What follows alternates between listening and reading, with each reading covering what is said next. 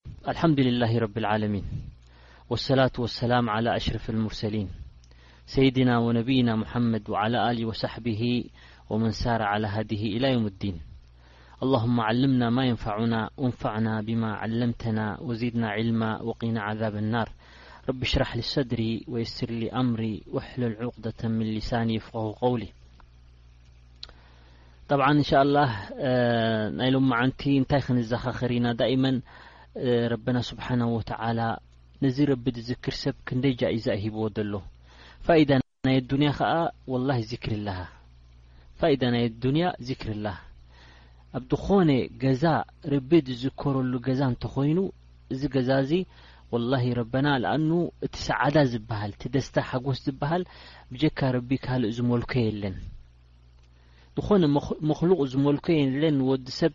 ሰዒድ ክገብሮ ሕጉስ ክገብሮ ድሱት ክገብሮ ብጀካ ሓደ ረቢ ስብሓን ወተዓላ ረቢ ከዓ እቲ ኣስባብ ሰዓዳ ነጊሩና እዩ እንተደኣ ጣዓትላህ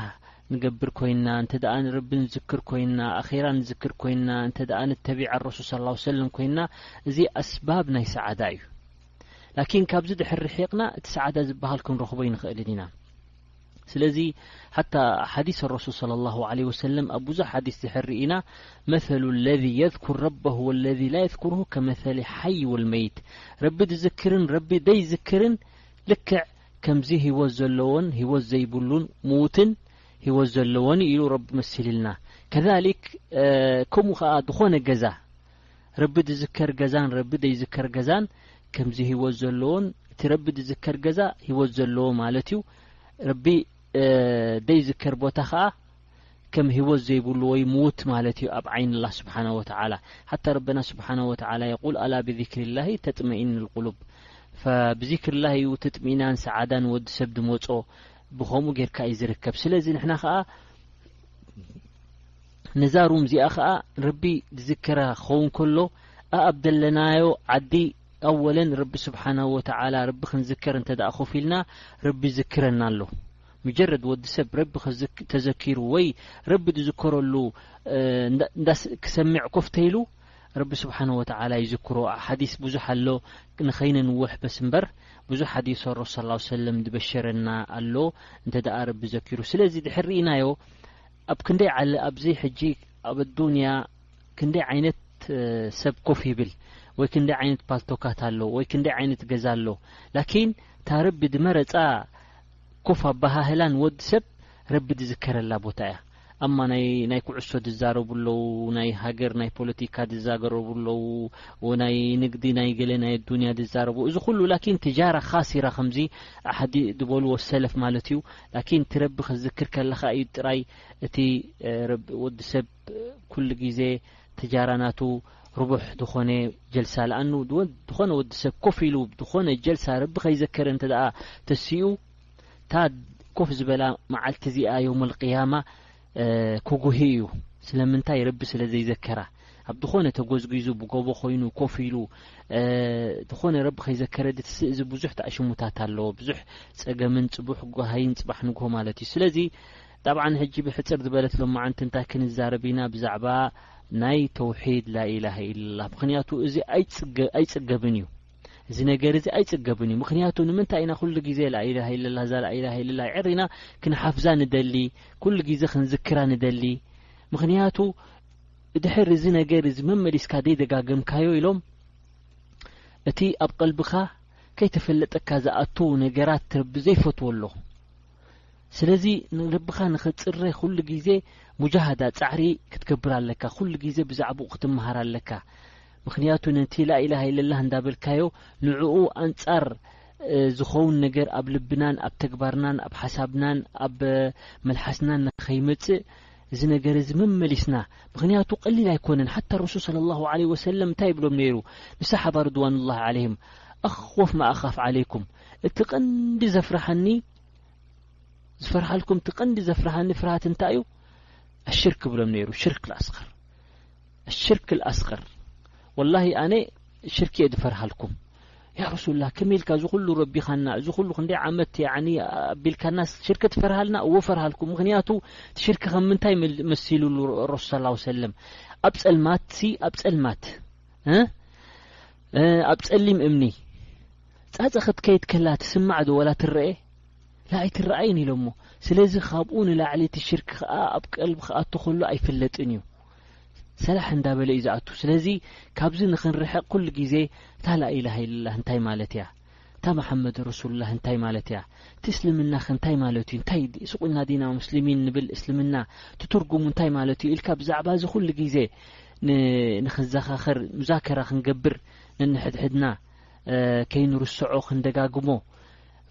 ኣድላይ እዩ ማለት እዩ ፈግርም ከይብለኩም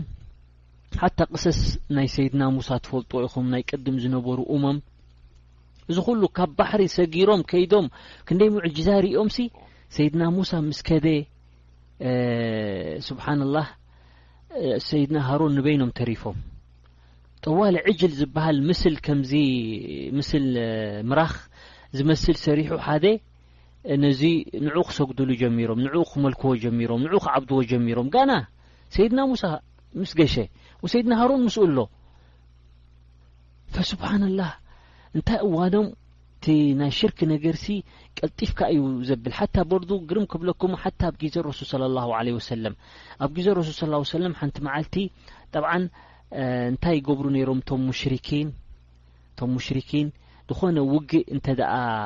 ክኣትዉ ደልዮም ንቕድም እንታይ ገብሩ ከምዚ በረካ ዘለዋ ኦም ሸጀር ኦም በረካ ዘለዋ ኢሎም ዝኣምኑላ ከምኡ እምነት ነይርዎም እቶም ሙሽርኪን ሕጂ እንታይ ገብሩ ዛትልኣንዋ ጥብልዋ ኣብኡ የንጠልጥልዎ እቲ ናቶም ሴፍ ድሕሪ ኣብኡ ንጠልጢሎሞ በረካ ትገብር እዛ ኦም እዚኣ እሞ ብሰንኪ እዚ ምንጥልጣል ናይዚ ይዕወቱ ዝብል ከምኡ ዝብል እምነት ነይርዎም እቶም ሙሽርኪን እዮም እዚኦም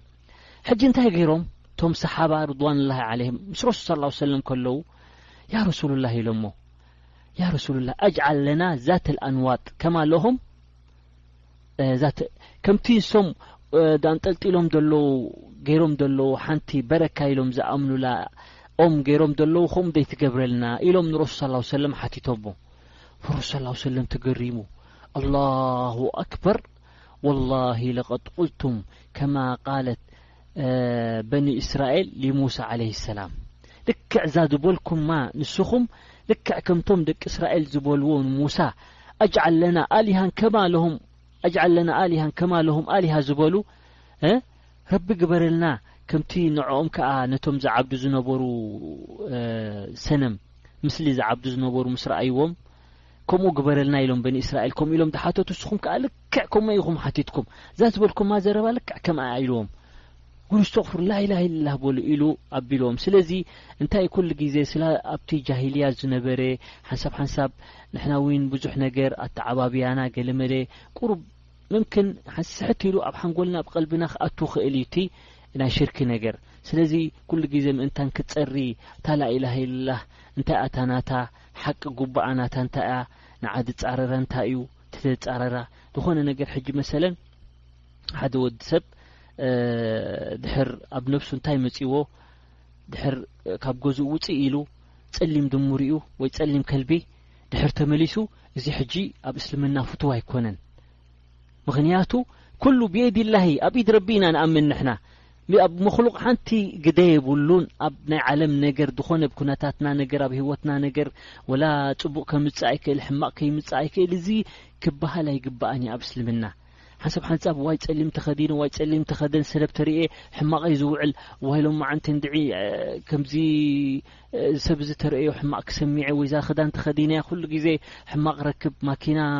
ሓድስ ዝገብር ገለ ዝብል እዚ ኩሉ ካብ ልብና ክመጽእ ኣለዎ እዚ ናይ ተውሒድ ነገራት ኣንጻር ናይ ተውሒድ እዩ ስለዚ ንምንታይ ኩሉ ግዜ እታ ላኢላሃ ኢለላህ ላኢላሃ ኢለላህ ንበል ኢልና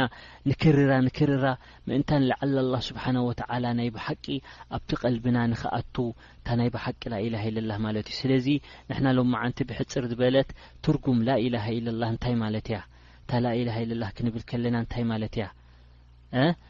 ላኢላሃ ኢለላህ ጠብዓን ትርጉም ናታ ላ ማዕቡዳን ብሓቅን ኢለላህ ናይ ብሓቂ ኣሎ ናይ ብሑሰት ዝዓብዱ ኣለዉ ብዙሓት ናይ ብሑሰት ዝመልኩን ናይ ብሑሶት ዝግዝኡን ኣብ ዓለም ብዙሕ እዩ ንዓኹም ኣይጠፍኣኩምን እዩ ንኩሉ ሰብ ኣይጠፍኦን እዩ ጥራይ ኣብ ሂንዲ ኢሎምኻ ክንደይ ኣሽሓት ድያን ኣሎ ሃይማኖታት ኣሎ ንፀሓይ ዝግዝኡ ንወርሒ ንኦም ንበቐር ነዚ በቐር ማለት ከብቲ ማለት እዩ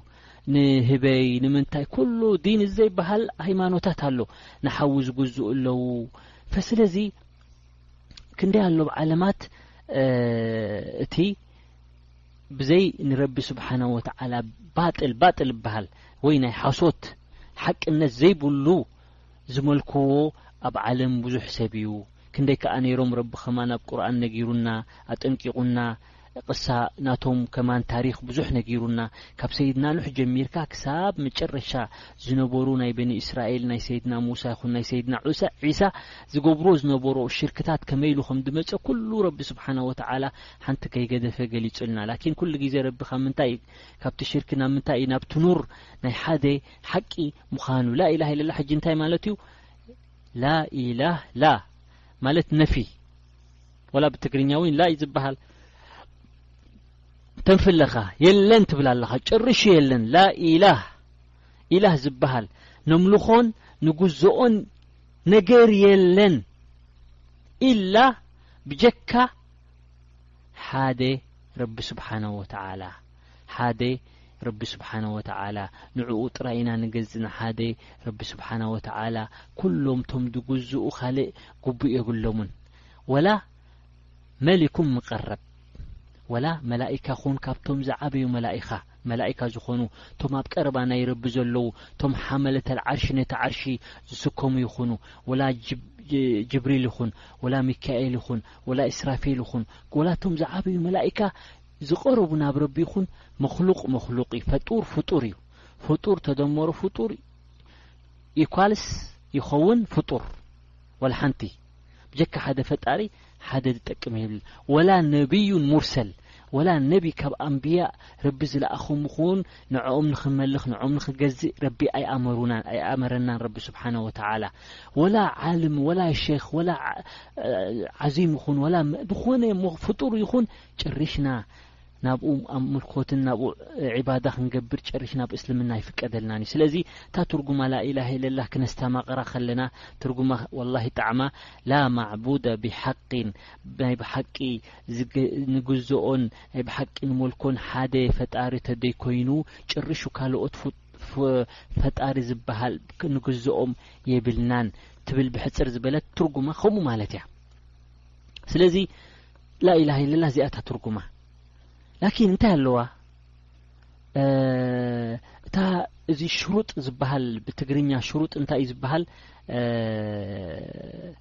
ያኒ እታ ትግርኛ ጠፊኣትና ከማ እታ ሽሩጥ ዝበሃል ጭብጥታት ናይቲ ላኢላሀ ኢለላህ ክትገብሮ ዝግብኣካ ክትፍጽሞ ዝግብኣካ ላኢላሀ ኢለላህ ጠብዓ ኣለዉ ገለ ሽሩጣት ኣሎ ጠብዓ ላኢላሀ ኢለላህ ኢልካ ሱቅ ኢልካ ኣይኮንካን ላኢላ ሃይለላ ክትብል ዘለካ ላኪን ብምንታይ ክትብል ኣለካ ላኢላ ሃይለላ ብፍልጠት ብዕምቀት ፍልጥ ክትፈልጥ ኣለካ ሕጂ ድኸነ ክንደይ ሰብ ኣለዉ ምም ክንታ ላኢላ ሃይለላ ይብሉ ላኪን ትርጉማ ድሕር ዘይፈለጥዋ ጽቡቅ ገይሮም ምምክን ኣንጻራ ክሰርሑ ክእል ከይፈለጡ ምምክን ኣብ ጌጋ ክወድቁ ይኽእሉ ስለዚ ላኢላ ሃይለላ ብምንታይ ክንብል ኣለና ኢሎም ብዕልሚ ሓታ ረብና ስብሓነሁ ወተዓላ ንረሱሊሂል ከሪም ፈዕለም ኣነሁ ላኢላሃ ኢለላህ እ ግድነት ክትፈልጥ ክትፈልጥ ኣለካ ስለዚ ፈሊጥካ እታ ትርጉማ ላኢላሃ ኢለላህ ነፊ ወኢስባት ዝበልናያ ሕጂ እቲኣ ተንፊ ብጀካ ሓደ ካልኦት የለውን ኢልና ዝተርገምናያ ጽቡ ጌርና ሕጂ እዚኣ እንታይ ኮይናትልና ብፍልጠት ኢልካያ ኣለኻ ምሽ ከይፈለጥካ ኣይኮንካን ኢልካያ ንሓደ ክንመልኽ ንሓደ ክንግዛእ ምዃንና ብፍልጠት ኢልካያ ናይ ብሓቂ እዚ እዩ ኩሉ ላኢላህ ዝዕበድ ካልእ ላኪን ኩሉ ባጥል እዩ ናይ ብሑሶት እዩ ናይ ሓቅነት የብሉን ካልእ ዝግዛእ ትመልኮ ብጀካ ረቢ ተደይ ኮይኑ ካልኦት ኩልሆም ናይ ብሓቂ ኣይኮኑን ኩልሆም ናይ ባጥል እዮም ስለዚ እዚ እንታይ ፈሊጥካ ኣለኻ ብፍልጠት ኣቲኻየ ኣለኻ ብፍልጠት ዕሙቕ ዝበለ ፍልጠት ፈሊጥካ ኣለኻ እዚ ፍልጠት ኣንጻር ጁሁል ጃህል ማለት እንታይ ማለት እዩ ዘይምፍላጥ ማለት እዩ ከይፈለጥካ ይኮንካን ትብሎ ዘለኻ ፈሊጥካ ትብል ኣለኻ ካልኣይ ከ ብልየቂን ብልየቂን እንታይ እቲ የቂን ጥርጣረ ዘይብልካ ኣብ ነብስኻ ሓታ ረበና ስብሓን ወተዓላ መጀመርያ ድሕር ርኢና እታ ቁርን ኣሊፍላሚም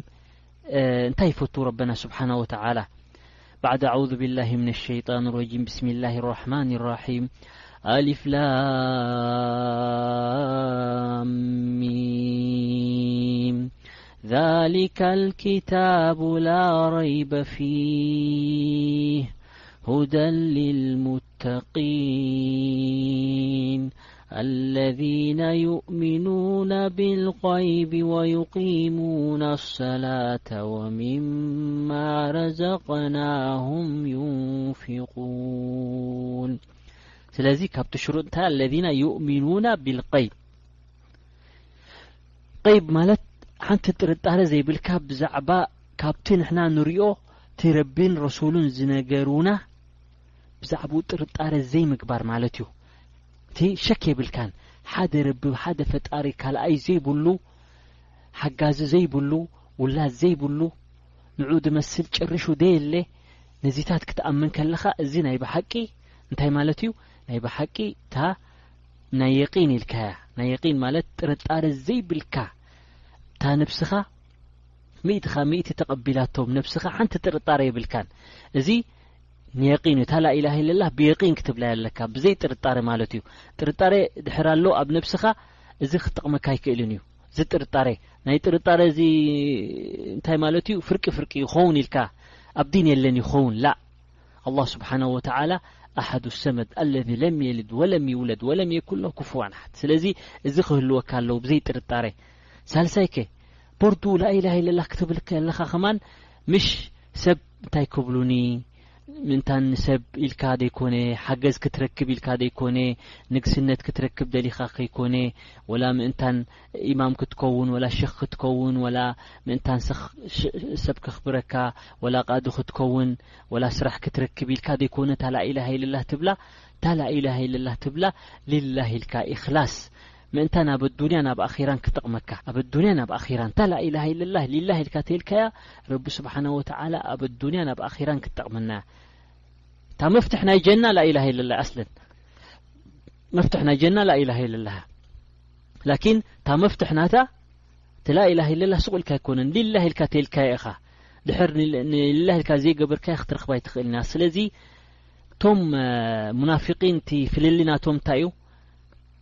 እቶም ሙናፊቒን ጠብዓን ሊላህ ኢሎም ኣይኮን ገይሮማ እታ ላኢላህ ኢለላህ ብምንታይ እዩ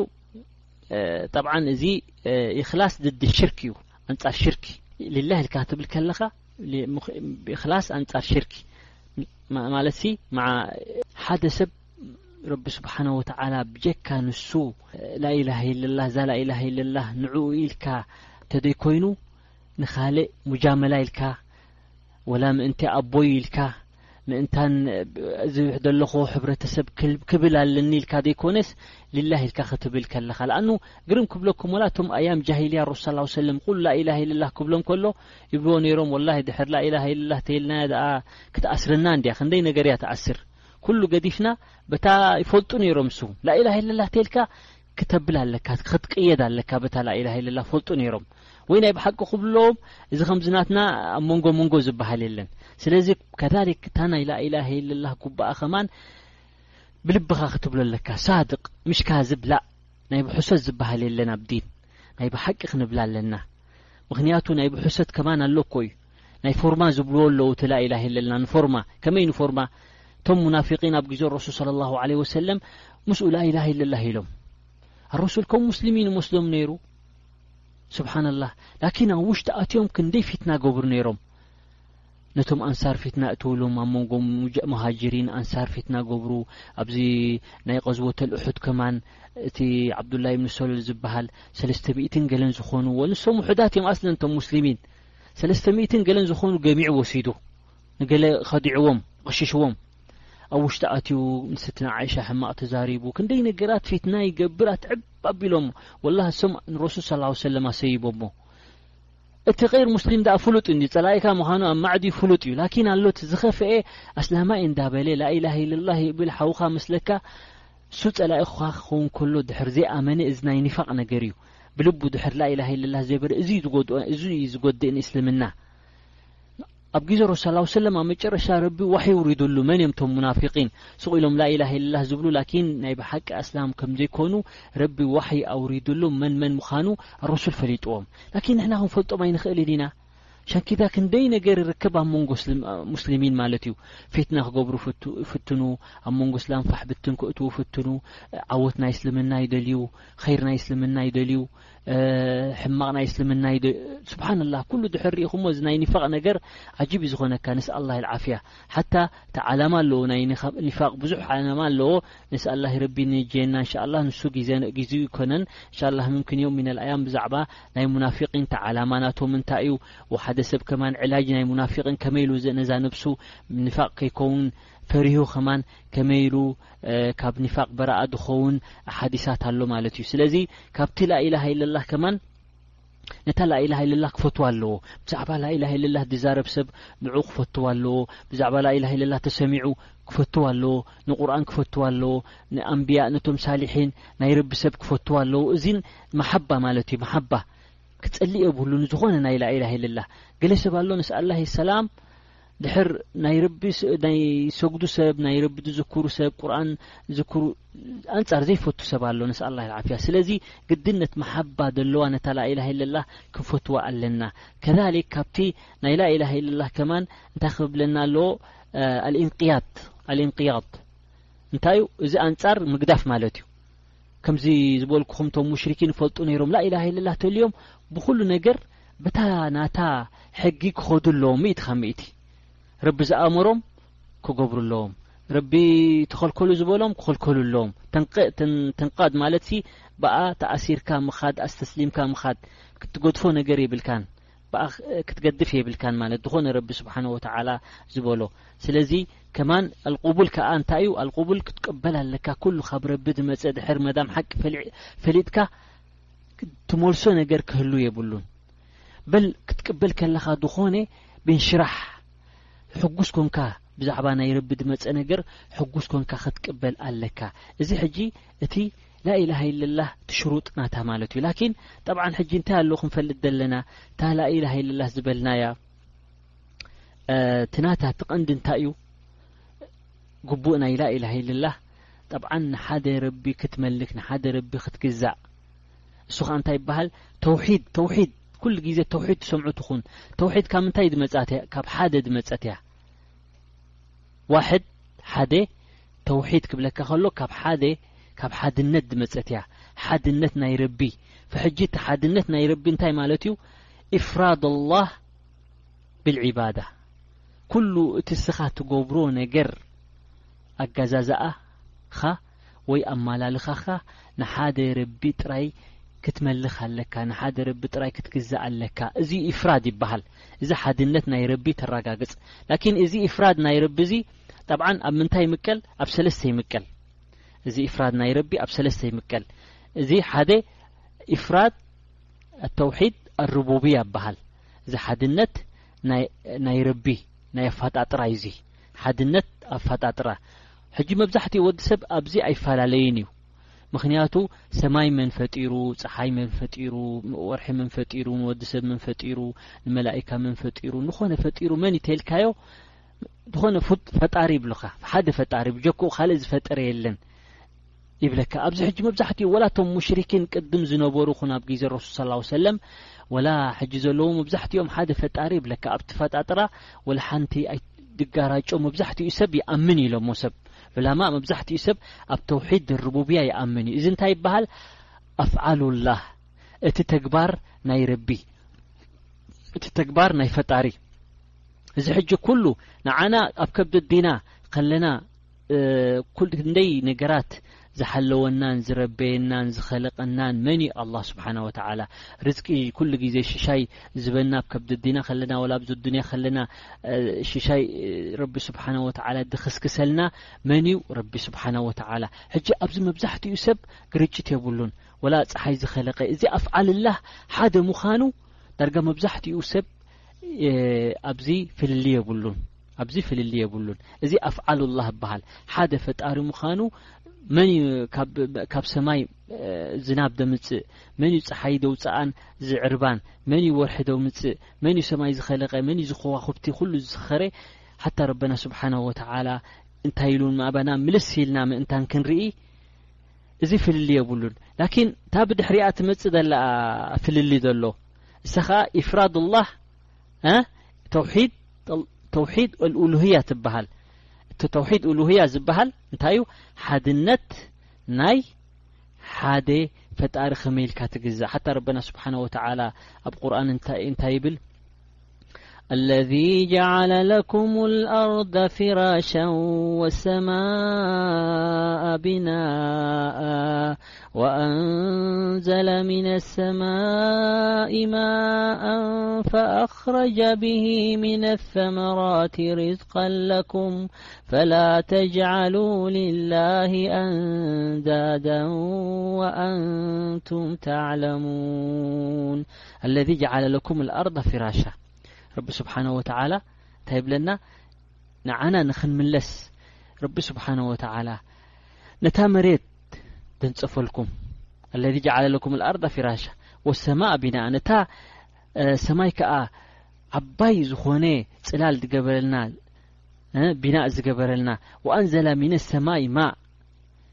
ከዛሊክ ካብ ካብ ሰማይ ማይ ዘውረደልና እቲ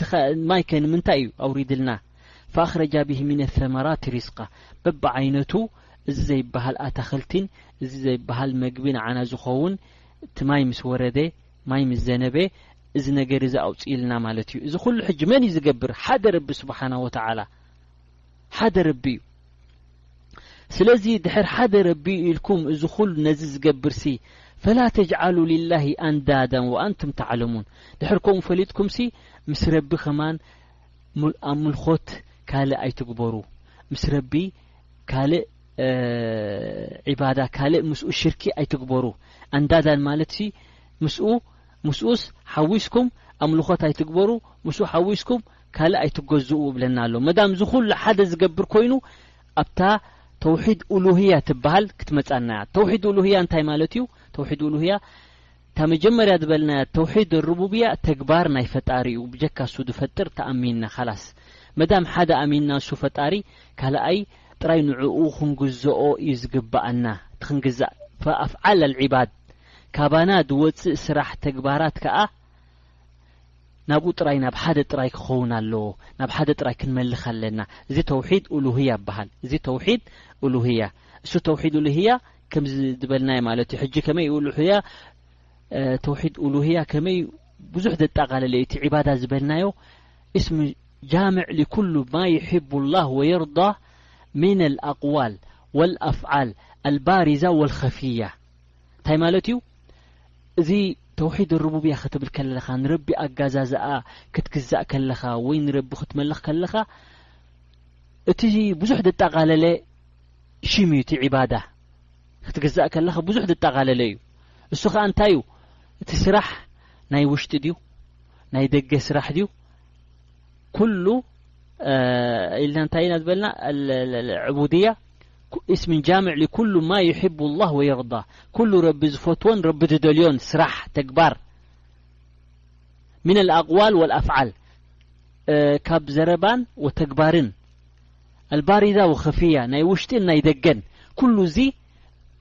ረብን ዝፈትዎን ዝደልዮን ናብ ረቢ ኢልካ ትቅረብ ነገር ሲ ኩሉ ናብ ረቢ ደቅርበካ ነገር ኢልካ ትገብራ ነገር ኩላ ግዜ ከለኻ ክስድቅ ከለኻ ሰደቃ ሰደቃ ክትህብ ከለኻ ንመን እዩ ሊላህ ኢልካ ንሓደ ረቢ ኢልካ ክኸውን ኣለዎ ከሊክ መፅበዓ ክትኣቱ ከለኻ ዝኾነ ዓይነት ፕሮሚስ ክትኣቱ ከለኻ ሓደ ረቢ ክኸውን ኣለዎ ማለት ሕጂ ሓንሳብ ሓንሳብ ኣብዚ ሕብረተሰና ንበረ ኣንቱም ሸኽ ዓብደልቃድር እዛ ጓለይ ወይ እዚ ወደይ በዚ ሱዳን ከይዱ ኣሎ እሞ ስዑድያ ኣትዩ ተሰሚዐ ወይ ወጻኢ ኤሮፓ ከይዱ ተሰሚዐ እንሻላህ ኣርባዕተ እግራን እዛ ሚእቲ ጨጉራን እንሻላህ ክሓርደልኩም እየ ገለ ንሸኽ ፉላን ንሸኽ ፉላን እዚ ኣይግባእን እዩ ሓታ ዝኾነ ፕሮሚስ መጽብዓ ክትገብር ከለኻ ሊላህ ክኸውን ኣለዎ ንሓደ ረቢ ያ ረቢ እስኻ እኻ ኣብ ጽቡቅ ተብጽሕ ወደይ ከምዚ ተገይርካለይ ከምዚ ክሓርደልካ ምስ ረቢ ኢኻ ትብል እንበር ምስ ዝኾነ መክሉቅ ክትብል ኣይግባእን እዩ ካልኣይ ወላ ክትምሕል ከለኻ ማሕላ ማሕላ ጥራይ ወላህ ክትብል ኣለካ እንበር ወላ ብድኾነ መክሉቅ ክትምሕል ኣይግባኣካን እዩ ወላ ሱጋ ኣቦይ ፉላን ኣቦይ ጥዑም ዶ ወላ ሸኽ ፉላን ዶ ወላ ረሱል ሰለም ኣይትብልን ኢኻ ወላ ዝኾነ ዓይነት ማሕላ ዝበሃል ብጀካ ሓደ ረቢ መን ካነ ሓሊፈን ፈልየሕልፍ ቢላህ እንተ ሓደ ሰብ ድምሕል ኮይኑ ኣስላማይ ጥራይ ብረቢ ክምሕል ዘለዎ ጨሪስካ ምክንያቱ እስኻ እዚ ካብ ታዕዚም እዩ ረቢ ዓዚምካ ተሓቂ ምዝራብካ ካብ ንመን ፈሪህካ እኻ ሓቂ ትዛረብ ንሓደ ረቢ ስብሓነ ወተዓላ ስለዚ እዚ ኸማ ንገዛእ ርእሱ ዒባዳ እዩ ወተስፋኻኸ ተስፋ ተስፋ ናትካ እንታይ እዩ ተስፋ ዓቢ ተስፋ ናትካ ተስፋኻ ካብ ረቢ ክኸውን ኣለዎ ምሽ ተስፋኻ ተስፋኻ ኣነ ድሓን ኣነ ድዓበየ ሰርቲፊኬት ኣለኒ ኣነ ድሓነ ብሓንጎለይ ድሓድረ ብረሃፀይ ጉልበት ኣለኒ ኣነ ድኳን ኣለኒ ኣነ ውላድ ኣለኒ ውላደ ዝኾነ ነገር እዚ ረቢ ይፈትዎን እዩ እቲ ተስፋ ናትና ሚእቲ ካብ ሚእቲ ተስፋና ረጃእ እበሃል ኣብ እስልምና እቲ ረጃእ ናትካ ኣብ ረቢ ክኸውን ኣለዎ ምኽንያቱ መኽሉቕ ከምዚ ዝበልናዮ ኣይጠቅምን ዩ ነብሱ ከማን ኣይጠቅምን ዩ መኽሉቕ ተደመሮ መኽሉቕ ተደመሮ መኽሉቕ ተደመሮ ኣብ መጨረሻ ዜሮ እዩ ባዶ እዩ ማለት ጨሪሹ ብጀካ ሓደ ረቢ ስብሓነ ወተዓላ የፍዓሉ ማየሻ ረቢ ድላይ ዝገብርን ድላይ ዝፍፅምን ኣብ ሰማይ ዝኸተቦ ነገር ጨሪሹ መክሉቕ ክቕይሮ ዝኽእል ነገር የለን ስለዚ ኣረጃእ እቲ ዝዓበየ ተስፋ ናይ ረቢ ናብ ተስፋና ናብ ረቢ ክኸውን ኣለዎ ናብ ሓደ መክሉቅ ግልጽ ምልጽ ክንብል የብልናን ኣለኒ እንዶ ኻላስ መዳም እንታይ ኢላ ስትና ዓይሻ ሓደ ሰብ ኢማን ናይ ሙስሊም ሙሉእ ኣይኮነን ድሕር ሓደ ሰብ ጥራይ ኣብ ጀቡኡ ዘሎ ጥራይ ግልጽ ዝብል ኮይኑ ላእ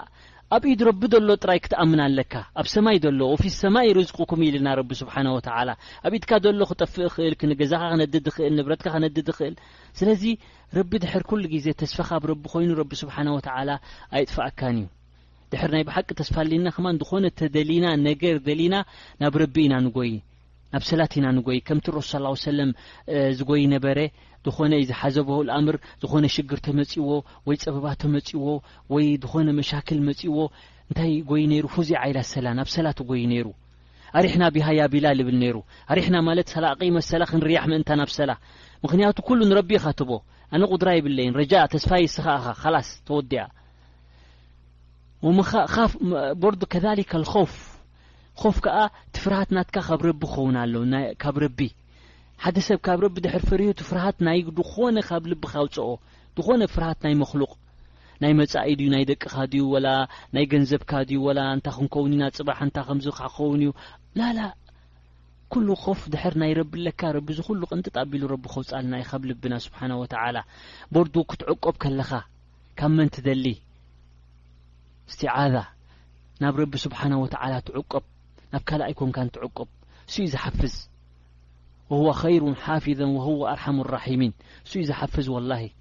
ረሒም ስብሓነ ወተዓላ ከሪም ስለዚ ዝኩሉ ክንፅብፅቦ ዳብዓን ኩሉ ኣይንኽእልን ኢና ብዙሕ ዓይነት እዩ ዘሎ እቲ ናይ ዒባዳ ዝበሃል ሓታ ምሕራት ክትሓርድ ከለኻ ኢነ ሰላቲ ወኑሱኪ ወማሕያያ ወመማቲ ላሂ ረቢ ዓለሚን ኢነ ሰላት ሰላት ናተይ እቲ ምሕራድ ናተይ ኩሉ ንመን እዩ ሊላ ስብሓና ወተላ ንረቢ እዩ ስብሓና ወተላ ስለዚ ኣብ ኩሉ ምንቅስቃስና ንገብሮ ንሕና ንገብሮ ንረቢ ኢልና እዚ ዕባዳ በሃል ሕጂ ካብዚ ሕጂ ከይፈለጥካ ድሕር ገለ ንምክሉቅ ፈቲንካ ንምክሉቅ ጌርካ ማለት እዩ እዚ እንታይ ይበሃል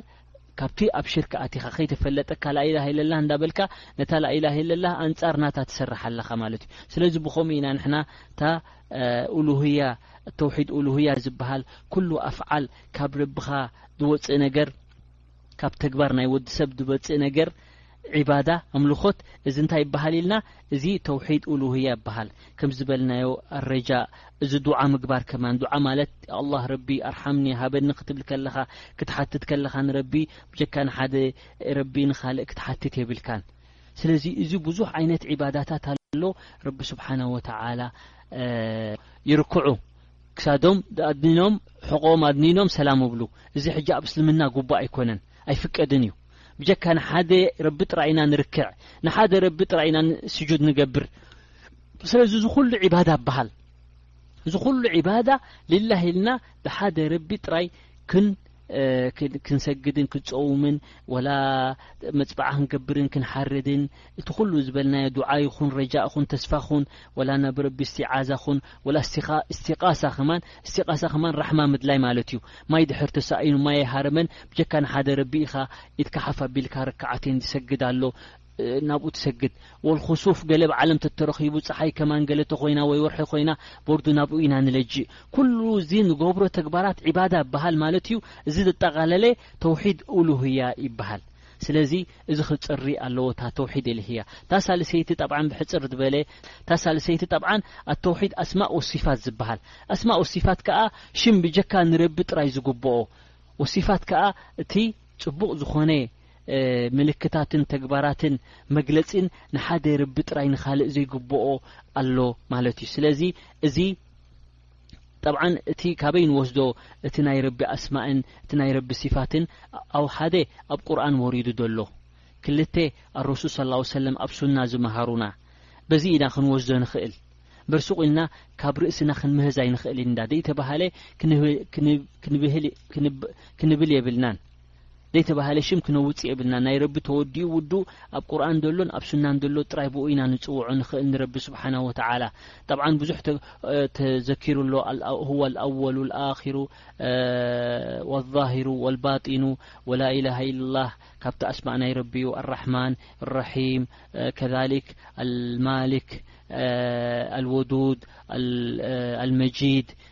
ከዛሊክ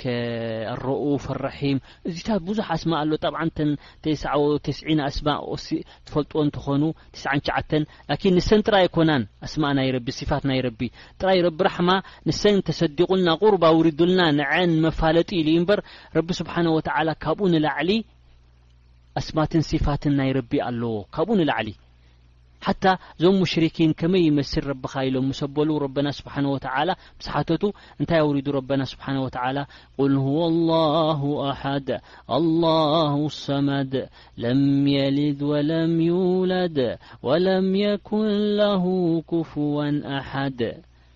ረቢ ኣይወልድ ኣይውለድ ንዑ ዝመስል ጭርሹ ደየለ ኩሎም መክሉቂን ሙሕታጂን ናብ ረቢ ስብሓነ ወተዓላ እሱ ላኪን ንሓደ ነገር ሙሕታጅ መክሉቅ ኣይኮነን ሁዋ ኣልኣወሉ ፈለይሰ ቀብለሁ ሸይ ንሱ ነይሩ ህይወት ናይ ዘልኣለም ህይወት ቅድሚኡ ወላ ሓደ ኣይነበረን ሁዋ ኣልኣኺሩ ፈለይሰ ባዕደሁ ሸይ ንሱ ከማን ክህልው እዩ ኩሉ ሰብ ምስ ሞተ ኩሉ መክሉቅ ምስ ሞተ ስብሓነሁ ወተዓላ ሓታ ግርም ክብለኩም ካብታ ኣስማእ ናይ ሲፋት ወላ እቶም ኣንብያ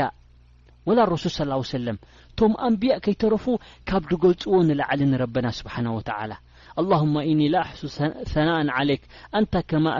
ኣስነይተ ዓላ ነፍሲክ ኢሉ ረበና ስብሓነሁ ወተዓ ረሱል ሰላሁ ወሰለም ከምኡ ኢሉ ኣነ እኮ ከምቲ ካብ ግቡእ ንዓኻ ክገልጽሲ ካብ ዓቕመይ ንላዕሊ እዩ ኢሎም ኣረሱል ሰላሁ ወሰለም መዳም ኣንብያእ ከምኡ ኢሎምሲ መን እዩ ብድሕሪኡ ክገልጾም ዝኽእል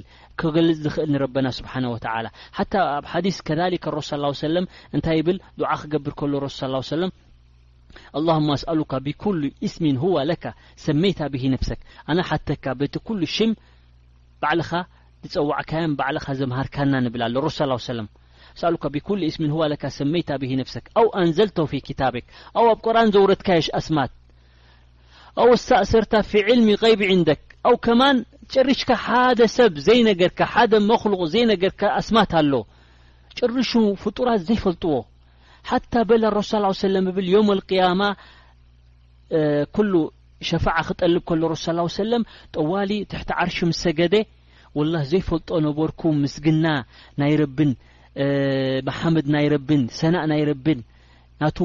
ጽቡቕ መግለጽን ናይ ረቢ ሽም ኣስማትን ረቢ ምስግና ናይ ረብን እዚ ዘይበሃል ረቢ ይፈትሓለይ ኢሉ ሽዑ ይፈልጦ ረሱል ሰውዑ ዮም ኣልቅያማ ይፈልጦ ማለት እዩ ብኡ ገይረ ምስ ሓተትኩ እርፋዕ ያ ሙሓመድ እሽፋዕ ትሸፋዕ ይበሃል ርእስኻ ሓፍ ኣብል ሕተት ረቢ ክሽፈዓልካ እዩ ይበሃል ስለዚ ናይ ረበና ስብሓነ ወተዓላ መግለጺ ሓታ እቶም ኣንብያ ከይተረፉ ካብ ዝገልጽዎ ንላዕሊ እዮም ወላ ሩሱ ሰላሁ ሰለም ካብ ድገልጾ ንላዕሊ እዩ ረበና ስብሓነሁ ወተዓላ ስለዚ እዚ እቲ ኣስማ ወሲፋት ናይ ረቢ ስብሓነሁ ወተዓላ እዩ ስለዚ ብሕጽር ድበለ ማለት እዩ ናይ ሎምዓንቲ ደርስና እንሻኣላህ እዚኣ ክትከውን እንተደኣ ጽቡቅ ኣቢልና ማለት እዩ ካብ ረቢ ስብሓነሁ ወተዓላ እንተደኣ ጽቡቅ ተዛሪበ ናይ ረቢ ስብሓነሁ ወተዓላ እንተደኣ ሕማቅ ተዛሪበ ከኣ ካብ ነብሰይን ካብ ሸይጣንን ወጀዛኩሙላህ ኸይር ጽን ኢልኩም ዝሰማዕኩሙና